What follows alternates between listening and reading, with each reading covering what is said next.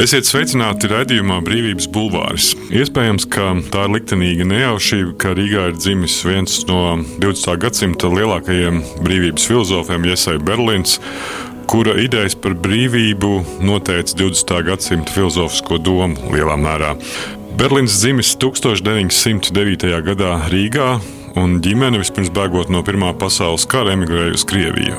Kad viņam jautāja vēlāk, vai tam, par ko viņš visu mūžu domā, ir kāds sakars ar to, ka viņš ir dzimis cariskajā Krievijas provincē Rīgā, tās augstākajā attīstības periodā, un pēc aizbraukšanas pieredzējis bolševiku apvērsumu Pēterburgā, Berlīns atbildēja, ka viennozīmīgi. Viņš bija viens no tiem filozofiem, kurš vairāk runāja nekā rakstīja, proti viņš savu domāšanu apliecināja sarunās, lekcijās un intervijās.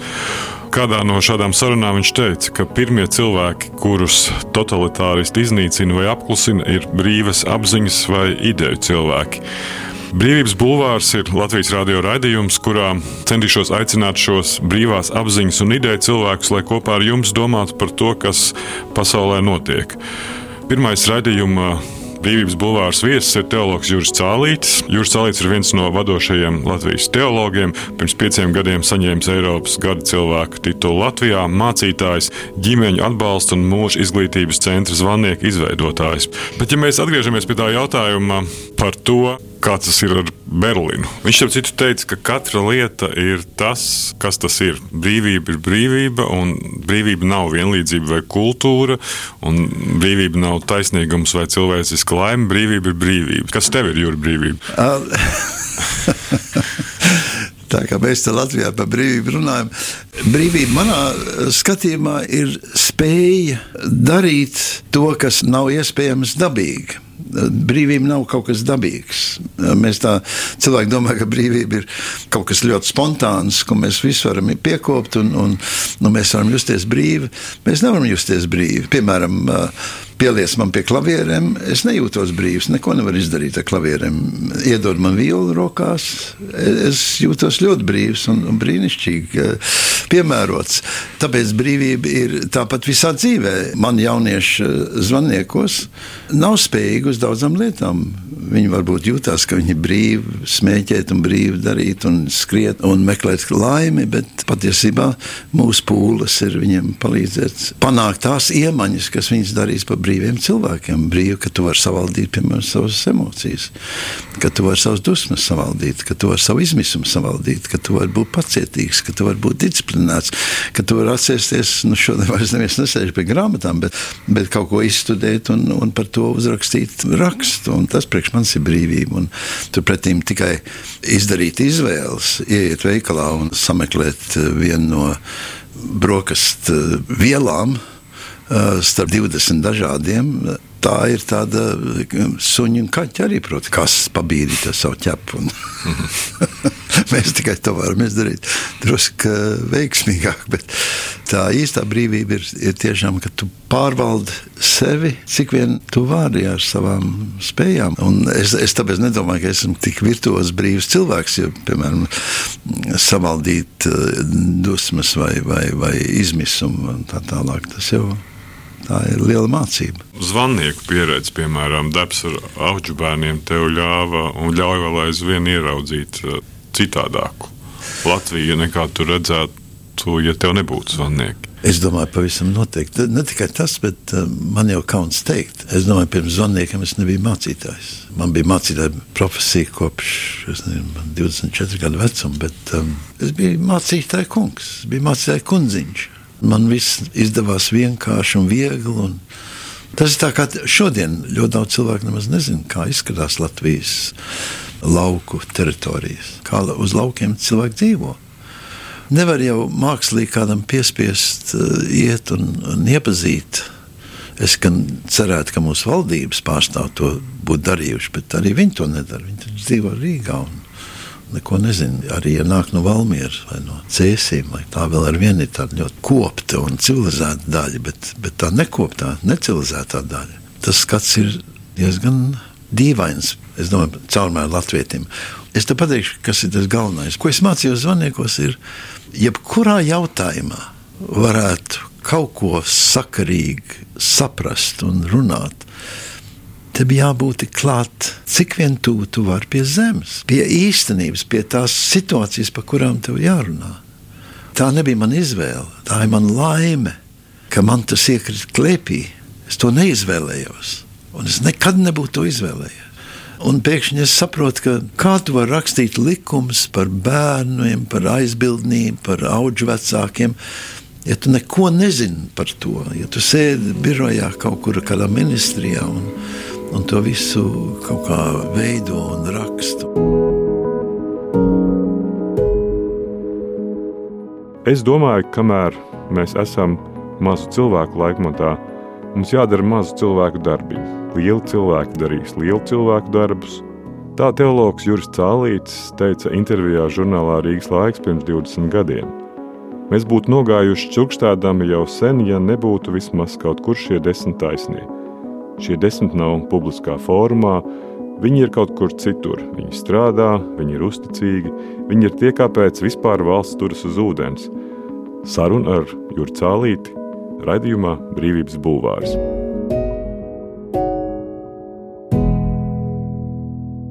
Bet kas ir šīs pašreizējā laika konteksts, kurā tu vēl aizvien topi, vai ko tu noskaties un pārveido ticības Tas ir tas kontekstu? būtiskais jautājums, un es domāju, ka ir tā slavenā Dikens grāmata par Franču revolūciju un Angliju un Franciju, un, un tur tas spiegošana stāsts par divām pilsētām. Pirmais teikums ir, tie bija vislabākie laiki un tie bija visļaunākie laiki, un es, manā skatījumā mēs esam tieši tādā laikā. Tie ir vislabākie laiki. Es nevaru iedomāties, ka cilvēkam var būt ērtāk dzīve kā mums. Bet no otras puses, mēs dzīvojam laikmetā, kur absolūti viss, bez izņēmuma, masīvi, ātri vilciena ātrumā mainās zem mūsu kājām. Viss, ko mēs domājam, viss, ko mēs darām, viss, uz ko mēs ejam, tas viss tiek izmainīts tādā ātrumā, ka mēs to nevaram aptvert. Tāpēc mēs redzam, ka cilvēki ir nelaimīgi. Viss šis Covid jautājums ir tik neracionāls, bet tik raksturīgs laikmetam, kur vairs cilvēki nejūtās eh, droši, ka viņiem nav pieturspunkta. Nevienā jomā. Tas mēs varam skatīties, kur mēs gribam. Sāksim ar, ar mākslu, kas jau pagājušā gadsimtā, protams, aizgāja pēc tam citās eh, dēkās, literatūra, mūzika. Nu, un tad nākam tuvāk pie politikas un pie reliģijas un vispārējo. Mēs sēžam tur, kur, piemēram, Luters, viņš ir dzimis 1485. gadā, kur Luters sēdēja kā 20 gadnieks uz pūdermuts, kas tikko bija eksplodējusi, grāmatu vairošana. Nekad tas nebija redzēts. Un, uh, viņš arī bija pirmais, kas mācīja izmantot savai Romas katoļu baznīcas reformācijai šo jauno atklājumu. Pārējiem Romas katoļi nevarēja attapties. Viņam pagāja vēl kā 15, 20 gadi, lai viņi saprastu, kas noticis, kas tas buldozers, kas mums nu, pat ir samals. Un tie ir bukleti, ko reformāti izplatīja momentā pa visu Vāciju un pa visām Itālijas teritorijām. Cilvēki nezina, kas ir buklets, kas tas ir, kam tas ir vajadzīgs, priekš kam tas ir. Un mēs esam tajā pašā situācijā ar elektroniku. Domā, visi sociālajie mēdīji. Twitter, Viss ir- Facebook ir tieši tieši tas pats tas ir uh, tas buldozers. Un mēs visi sakām, kas tad tur raksts, paskaties, mums jākontrolē. Tā ir tāda bērna attieksme pret notikumiem, kas mums nav kontrolējama. Pēc 20 gadiem, tā kā tu sēdi pie sava datora, vai man ir kabatā mans vietas telefons, vai šis primitīvais veids, kā mēs šobrīd sarunājamies, tas liksies, viņi teiks, ka tiešām sēdēt pie kaut kādiem šitādiem aparātiem. Bet kas ar to cilvēku dabu notika? Un, Nekas. un es, piemēram, ja tu man prasīji par manu jomu, par reliģiju, man ir minējumi, kas notiks. Es zinu dažas lietas, kas noteikti būs. Bet mēs nevaram, neviens, kas sāka grāmatu 15. gadsimta beigās, nu, teiksim, grāmatas ir tikai 16. un 17. gadsimtā. Lielā daudzumā tā sāk eh, parādīties Eiropā. Nevarēja saprast, ko tas dara viņa smadzenēm kanādietis slavenais Maršals Maklons, kas visus šos mēdījus izpētīja un iezīmēja, kā darbojas telefons, kā darbojas mikrofons, kā darbojas televīzija. Viņam nebija dators, starp citu. Bet um, viņš jau parādīja, ka, piemēram, cilvēki, kas ir pieraduši skatīties uz ekrānu, viņiem ir viss vajadzīgs simultāni. Un šī grāmata iezīmētā kārtība, burts pa burtiņam, burts aiz burtiņa, vārds aiz vārdiņa, teikums aiz teikumiņa, un mēs lēnām lasām un ejam līdz beigām. Kam tas vairs?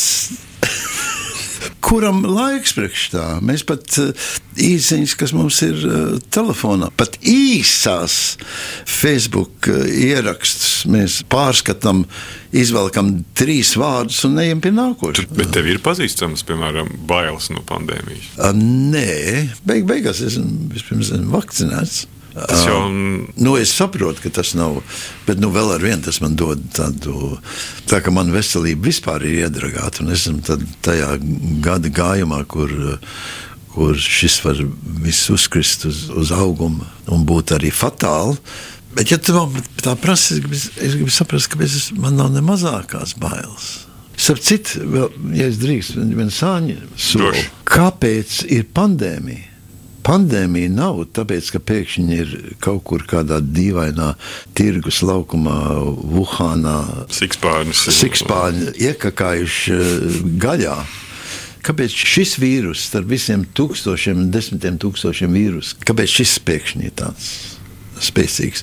Es domāju, bet tā ir tikai mana iedoma. Tur nav nevienam jātic, nevienam vārdam, ko es tagad saku. Es domāju, tas ir tieši izriet no bailēm vairs nekas nestāv uz vietas. Ja mēs neesam tam sagatavoti, tas izraisa bailes, un tā baiļu viens no rezultātiem ir, ka mums ir pandēmijas, un, un viņas būs. Kamēr mēs paši būsim pašpārliecinātāki. Un... Bet vai izglītība tur var palīdzēt, vai apgaismība arī ir tāda ilūzija? Jo mēs no vienas puses arī tu droši vien saskāries ļoti konkrēti ar izglītības jautājumiem, kas ir saistīta ar mūsu es bērniem. Domāju, nu, tas ir tas, ko viņi mācās, un arī attiecībā uz pieaugušiem. Bet paskatieties, kas notiek ar izglītību. Šobrīd ir, es atļaujos teikt, haoss. Visā izglītības sistēmā Latvijā. Kas ir skolotāja pienākums? Kas ir skolotājs? Un, un ar visām šīm problēmām, ar bērnu tiesībām, un ko viņi drīkst un ko viņi nedrīkst. Un agrāk, manā laikā, protams, skolotājs bija tāds paraugs, ka ir milzīgi žēl, ja man, piemēram, skolā nav viens skolotājs kas man aizrauja. Bet uz ko lai viņš aizrauja šodien? Un es domāju, izglītība ir, ir stāv tāpat kā ticība un politika. Pašā frontē, kur šīs pārmaiņas mēs visasāk jūtam. Un tāpēc, ka izglītība nesagatavo mūs šim jaunam laikam, kas nāk virsū kā tsunami. Es nevainoju, cilvēki jau dara to, ko var un tik, cik var, bet Es domāju, tas nav pietiekami. Un tāpēc jau jautājums, vai izglītība var palīdzēt, nu, ne jau formālā izglītība, noteikti ne, vai intelektuālā apziņa un centieni var palīdzēt. Es domāju, es būtu cerējis, ka pavisam noteikti jā. Tavs jautājums, vai reliģija vai ticībai vajadzētu palīdzēt, es gribētu teikt kategoriski jā, bet saprotot, par ko ir runa. Nevis vai mēs uzturam līdzinājās institūcijas. Nākotnē tas viss būs liek. Būs guru ar mazām saujiņām, kas sanāks kopā kaut ko kopīgi darīt. Brīvība, robežas, personība, vara, tauta, ideja, viedoklis, nākotne, dzīve un attieksme. Raidījums Brīvības Bulvārs. Mūsu sarunā Juris Cālītis. Tu nesen kādā no sarunām salīdzināji to antivakcinācijas kustība ar jaunu reliģiju. Respektīvi, tu teici, ka tā pretvakcinācija nav tikai protests pret valdību, tas patiesībā ir kaut kas dziļāks. Kas tas varētu būt? Mēs atrodamies kaut kādā jaunā reliģisko karu laikmetā, vai kas? Tā kā mēs visu laiku ieņemam Eiropas Savienībā pēdējo, priekšpēdējo vai pēdējo trīnieku vietu šajās daudzajās jomās, un īpaši šajā vakcinācijas lietā. Mainām vietas ar Rumāniju, cik procenti ir vakcinēti. Un tas kurjos ir, ka tas ir dzīvības un nāves jautājums, un mēs esam gatavi rotaļoties ar to. Tas ir pieteikt visādus niekus, kāpēc es to nedarītu, vai kāpēc man brīvība to aizliedz, vai es negribu, ka man uzmācās valdība ar saviem uh, muļķīgiem aprādījumiem un programmām un tā tālāk. Mēs laikam Latvijā esam saistībā ar Padomu Savienību iznākuši no ļoti dziļas alas. Un tāpēc mums ir daudz, kas ir Eiropā grūtāk veicams ar šo vakcināciju. Nu, kas ir tie elementi, kas veido vakcinācijas protestu? Bailes, pārliecība par sazvērestībām, ka kāds tev patiesībā iznieko un manipulē, tavs aizvainojums. Un tas ceturtais ir vispārsteidzošākais - skepse par zinātnē. Rietumu kultūras zieds ir zinātnē. Par to nav mazāko šaubu. Viss, vai nu tas ir tehnoloģijas izpildījumā, vienkārši zinātniskā pētniecība savā tīrākā formā. Tas ir mūsu lepnums. Visā pasaulē mēs esam, esam tajā jomā kaut kāds spīdošs fenomens. Un šeit pēkšņi tas, kas ir mūsu veiksme, lepnums un, un kas ir mūsu kultūras skaidrākais mantojums. Visi cilvēki ticēja un pārliecinājās par pētniecību, par intelektuālo darbu un nākotni, kas ir saistīta ar attīstību, zinātnē un tehnoloģijā. Pēkšņi mēs uzspļaujam visam tam. Neticam, oh, tā ir tikai liela mantrausība no kaut kādām firmām, kas grib vairot naudu. Tā ir nepārbaudīta lieta. Neticam vairs ārstiem. Protams, ka neticam mūsu speciālistam, valdībā un tā tālāk. Tas pašsaprotams. Bet taisnība, ne? Jā, bet, bet vai kādreiz valdība ir bijusi gudrāka par šo valdību? Vai mēs zinām kādu valdību, kas ir gudrāka, inteliģentāka par šo? Es nezinu, nevienu. Visas ir veidotas no dažiem, varbūt viediem, spējīgiem cilvēkiem un pārējai viduvējības. Es uzskatu, ka tas ir patiesībā, ka mēs kā latvieši atnākam šeit platformā ļoti vēlu, ļoti nepārliecināti, paskatāmies un vairs neticam mūsu laikmetam. Dzīvoju arī Amerikā un Kanādā. Tur ir um, šī politiskā polarizācija. Un interesanti, ap ko?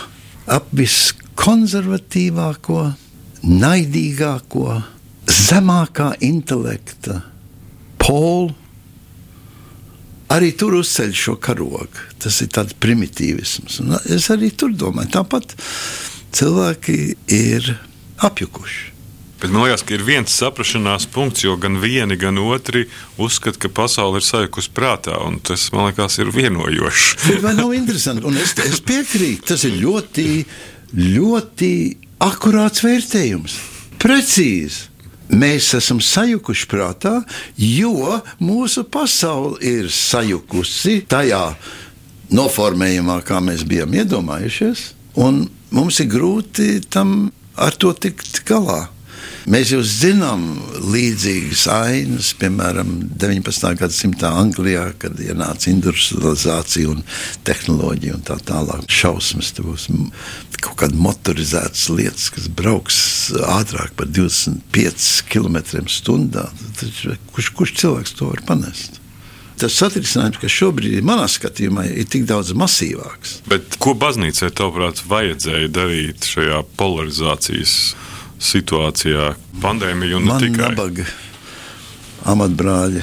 Ja vienmēr nopūšas, ka tādu jautājumu prasa man. Jo tev nedrīkst uzdot. zina, ka, ka šeit nekas nesakos. labs nebūs. Mēs taču neesam spējīgi kaut ko darīt. Nu, neesam. Un vairāk iemeslu dēļ. Viens no tiem ir, ka mēs esam tik ļoti sasaistīti ar struktūrām, ar, ar institucionālām veidoliem. Numur viens. Numur divi. Mēs esam savā starpā sašķelti. Nu, ko mēs varam kādam teikt? Fascinēja, ka pāvests nu pat dažas dienas atpakaļ bija pie Grieķijā, kur viņas izsvilpa. Protams, tie vadītāji ļoti uzmanīgi klausījās, un, un viņš bija pazemīgs ar lielu atvainošanos par pielaistām kļūdām. Kad kļūdas, kas notika 1000 gadu atpakaļ, 1054. gadā. Un šodien mēs atvainojamies. Bet pagājušajā, ko tad mēs esam darījuši to tūkstošu gadu? Mēs esam sapratuši, ka mēs esam ķezā, ka mums būtu nevis jāveido jaunas konfesijas un jaunas pārliecības un tā tālāk. Nu, nē. Un tāpēc baznīcai ir ļoti grūti. Bet ticībai, par ko mēs runājam iepriekš, es domāju, tā īstai um, tas ir ļoti augstprātīgi runāts. Tādā īstai dievatieksmē šis ir zelta laikmets. To var rādīt eh, drosmi, kur citi cilvēki ir, ir izmisuši. Tu var, ja tu neesi piesiets pie vecām formām, kas vairs nekalpos. Radījums Brīvības Bulvārs. Sarunas par to, kas notiek un ko mēs par to varam domāt. Bet jautājums tomēr ir par to, nu, ko darīt un kā tikt galā ar tiem, kuriem mēs nepiekrītam. Nu, es pieņemu, ka tiem, kuriem mēs nepiekrītam, mums atkal izmantot Berlīnu. Mums ir vienkārši jāveido sadzīves veidu, kur mēs nepiekrītam, paredzot, ka neviena puse, ne otra puse nemēģinās otru pusi iznīcināt. Respektīvi, tā cilvēks attīstības virzienam jābūt tādam, ka tu vari sadzīvot ar, ar cilvēkiem, kas pilnīgi ir um, citādi. Bet, nu, piemēram, ja tu man prasītu, man ir liels problēmas ar cilvēkiem, kuri ieteikt vienu grupu vai otru iznīcināt. Es uzskatu, ka tā ir tā, mēs esam sasnieguši robežu. Bet viss līdz tai robežai, ka mēs esam gatavi dzīvot ar šo atšķirīgo un, un citādo, es pieņemu, ka, ka mums tai cenšanās jābūt, ka mēs ar to tiekam galā. Nu, piemēram, es nu, šodien lasīju, ka tagad ir tāda jauna kustība, ka bērni izslēdz no savas dzīves vecākus. Tā kā kancela kultūra. Ja? Jā, viņu attieksme un ieskats dažos jautājumos ir tik um, iznīcinoši bērnu audzināšanai, nu, piemēram, naids pret vienu vai otru grupu, pret kaut kādām rāsēm un tā tālāk, viņi vienkārši negrib, ka šie vecvecāki bērnus ietekmē, ka viņi bērni ir viņu tuvumā, un daži bērni paši nevar panest savu vecāku aizspriedumainību. Un tāpēc viņi visvienkāršākais ir izslēgt. Nu, man tas liekas bezgalīgi primitīvi. Pareizāk būtu darīt kā? Tā kā mēs dzīvē vienmēr darām, tikt galā.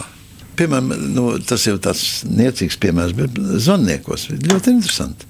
Mums ir milzīgs spektrs ar dažādu varēšanu, nevarēšanu, dīvainībām un nedīvainībām, uzvedībām un tā tālāk. Tādi ir mūsu bērni. Mans prieks ir un man pieredze, ka bērni ļoti viegli to visu pieņem.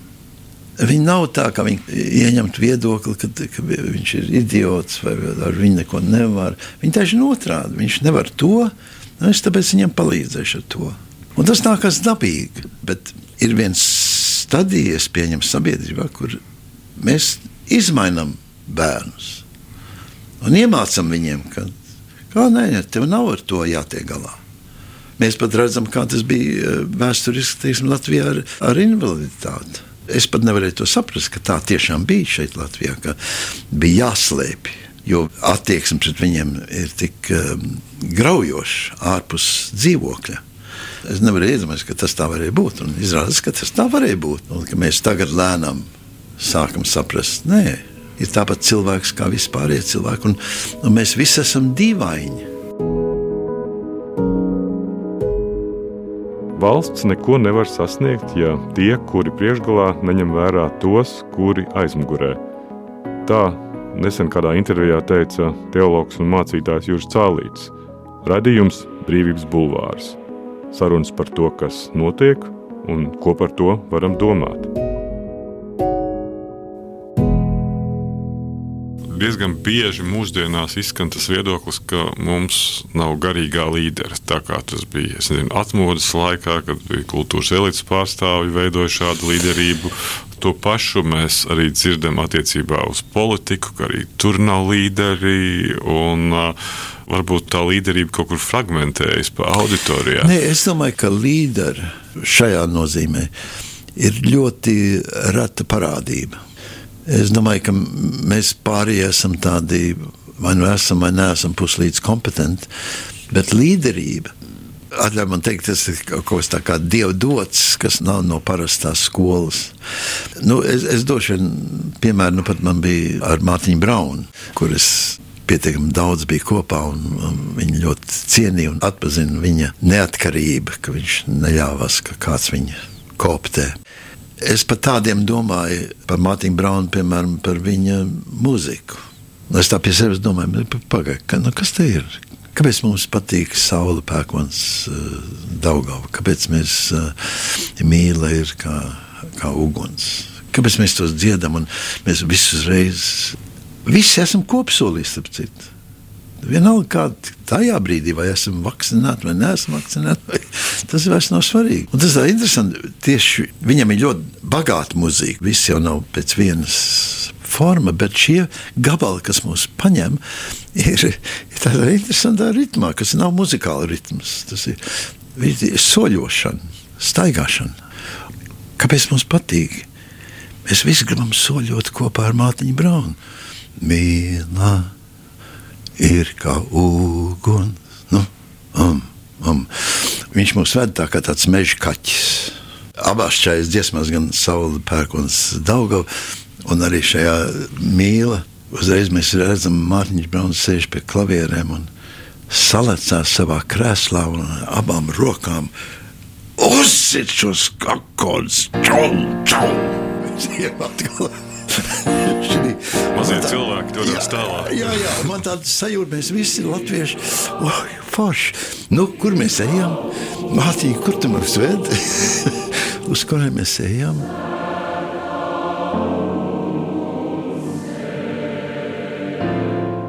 Nu, es neesmu drošs, ka, mēs, ka Mārtiņš zina, kur viņš mūs ved, bet mēs, mēs jūtam Un es domāju, ka tas ir daļai tas, ko mēs runājuši šodien, ir tas laikmets, cik par to līderu. Ir, dažiem ir iedots šis. Bet tu domā, ka tie līderi mums Un tie līderi ir, ir šā, tā kā, tā kā Mārtiņš Brauns, tas ir mūzika. Tas ir viens tāds piemērs. Tas nenāk no tā, ka viņš ir studējis kaut kur. Nenāk, ka viņš ir milzīgi vietas cilvēks pats savā dzīvēm bet tāpēc, ka ir brīži, kur mēs ejam līdzi, un mēs pat nezinām, kur mēs ejam, bet ir cilvēki, un, un es tāpēc domāju, ka tie tiešām ir tādi dievdot uh, laiki un brīži, un tie ir reti, kur mēs jūtam, ka mēs vairs neesam atšķirti, ka mēs visi esam šajā gājienā. Kas tas bija? Nu, ne jau kur viņš nāca, kur viņš dzimts, vai kāds viņa raksturs, bet Bet vienā brīdī pēkšņi viņš ir tas, kas mobilizē, izdara to. Es domāju, katrā ziņā padomu laikā, gan nu, ko es piesaukšu, to banālo, pašsaprotamo ziedonis un, un vācietis. Katrs savā veidā, bet, bet latvieši izjūt. Pagaidiet, es, kad es dzīvoju Kanādā un lasīju ziedoni, es biju starā. Tu saproti, mans fantāzijas par Latviju bija, ka tur nekā nav. Pēkšņi tu saproti, ne tikai tur kaut kas ir, bet tur kaut kas ir cilvēcisks, svarīgs un liels. Es gan atceros, ka es devu studentiem lasīt vācieti, un viņi nesaprata, kur ir tā zemtekstu valoda, kuras dēļ jā, jā. visi gāja tajā mīla tā kā uguns līdzi. un nevarēja īsti saprast Jā. to.